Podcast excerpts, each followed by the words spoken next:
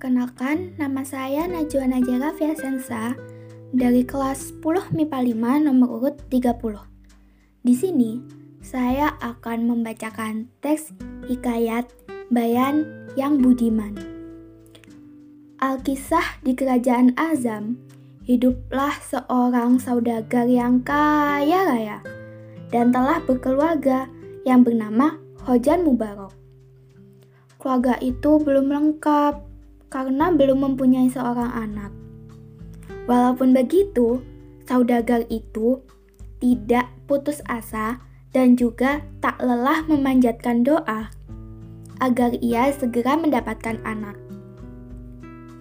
Penantiannya yang panjang itu pun berakhir karena istrinya sudah mengandung dan juga melahirkan seorang bayi berjenis kelamin laki-laki. Anak tersebut diberi nama Hojan Maimun. Anak itu tumbuh menjadi seorang anak yang baik dan juga soleh. Di usianya yang sudah menginjak 15 tahun, Hojan Maimun dinikahkan dengan seorang yang bernama Bibi Zainab. Ia merupakan anak saudagar kaya yang memiliki para rupawan. Dan pada suatu saat, Maimun meminta izin ke istrinya dengan tujuan berlayar. Dan sebelum berlayar, ia membelikan seekor burung bayan yang berjenis kelamin jantan dan juga burung tiung yang berjenis kelamin betina. Dan ia pun berpesan ke istrinya. Apabila ia menghadapi suatu masalah, sebaiknya ia membicarakannya pada kedua burung tersebut. Beberapa hari kemudian, ketika sudah ditinggal suaminya, Bibi Zainab pun merasa kesepian.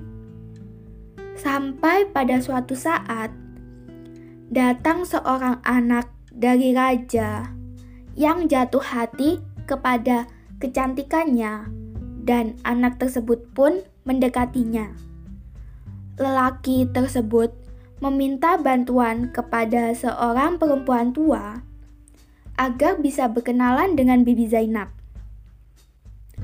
Dan ternyata Bibi Zainab pun juga tertarik kepada lelaki tersebut dan mereka pun saling jatuh cinta.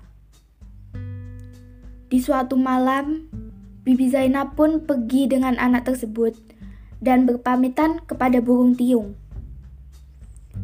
Burung itu kemudian menasehatinya agar tidak pergi, karena hal itu melanggar aturan dan ia juga sudah mempunyai seorang suami. Setelah mendengarkan itu, Bibi Zainab pun marah dan kemudian membantingkan sangkar dari burung tersebut sehingga membuat burung tersebut mati. Dan Bibi Zainab pun melihat burung bayan yang tengah tidur. Tetapi nyatanya burung tersebut hanya berpura-pura tidur dikarenakan apabila ia memberikan suatu jawaban yang sama, maka nyawanya juga ikut terancam.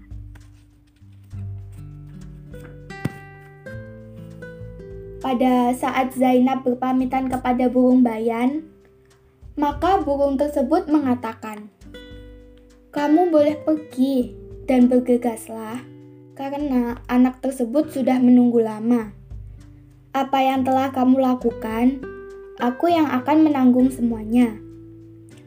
Apa yang dicari manusia yang ada di dunia ini selain kesabaran, martabat, dan juga kekayaan? Aku hanya seekor burung bayan yang sudah dicabut bulunya oleh istri pemilikku. Dan malam berikutnya, Bibi Zainab pun sering pergi untuk bertemu dengan pemuda tersebut. Di tiap kali ia berpamitan, burung tersebut menceritakan suatu kisah. Dan kemudian Bibi Zainab merasa menyesal atas perbuatannya. Dan tak akan lagi mengulangi perbuatannya tersebut. Terima kasih. you.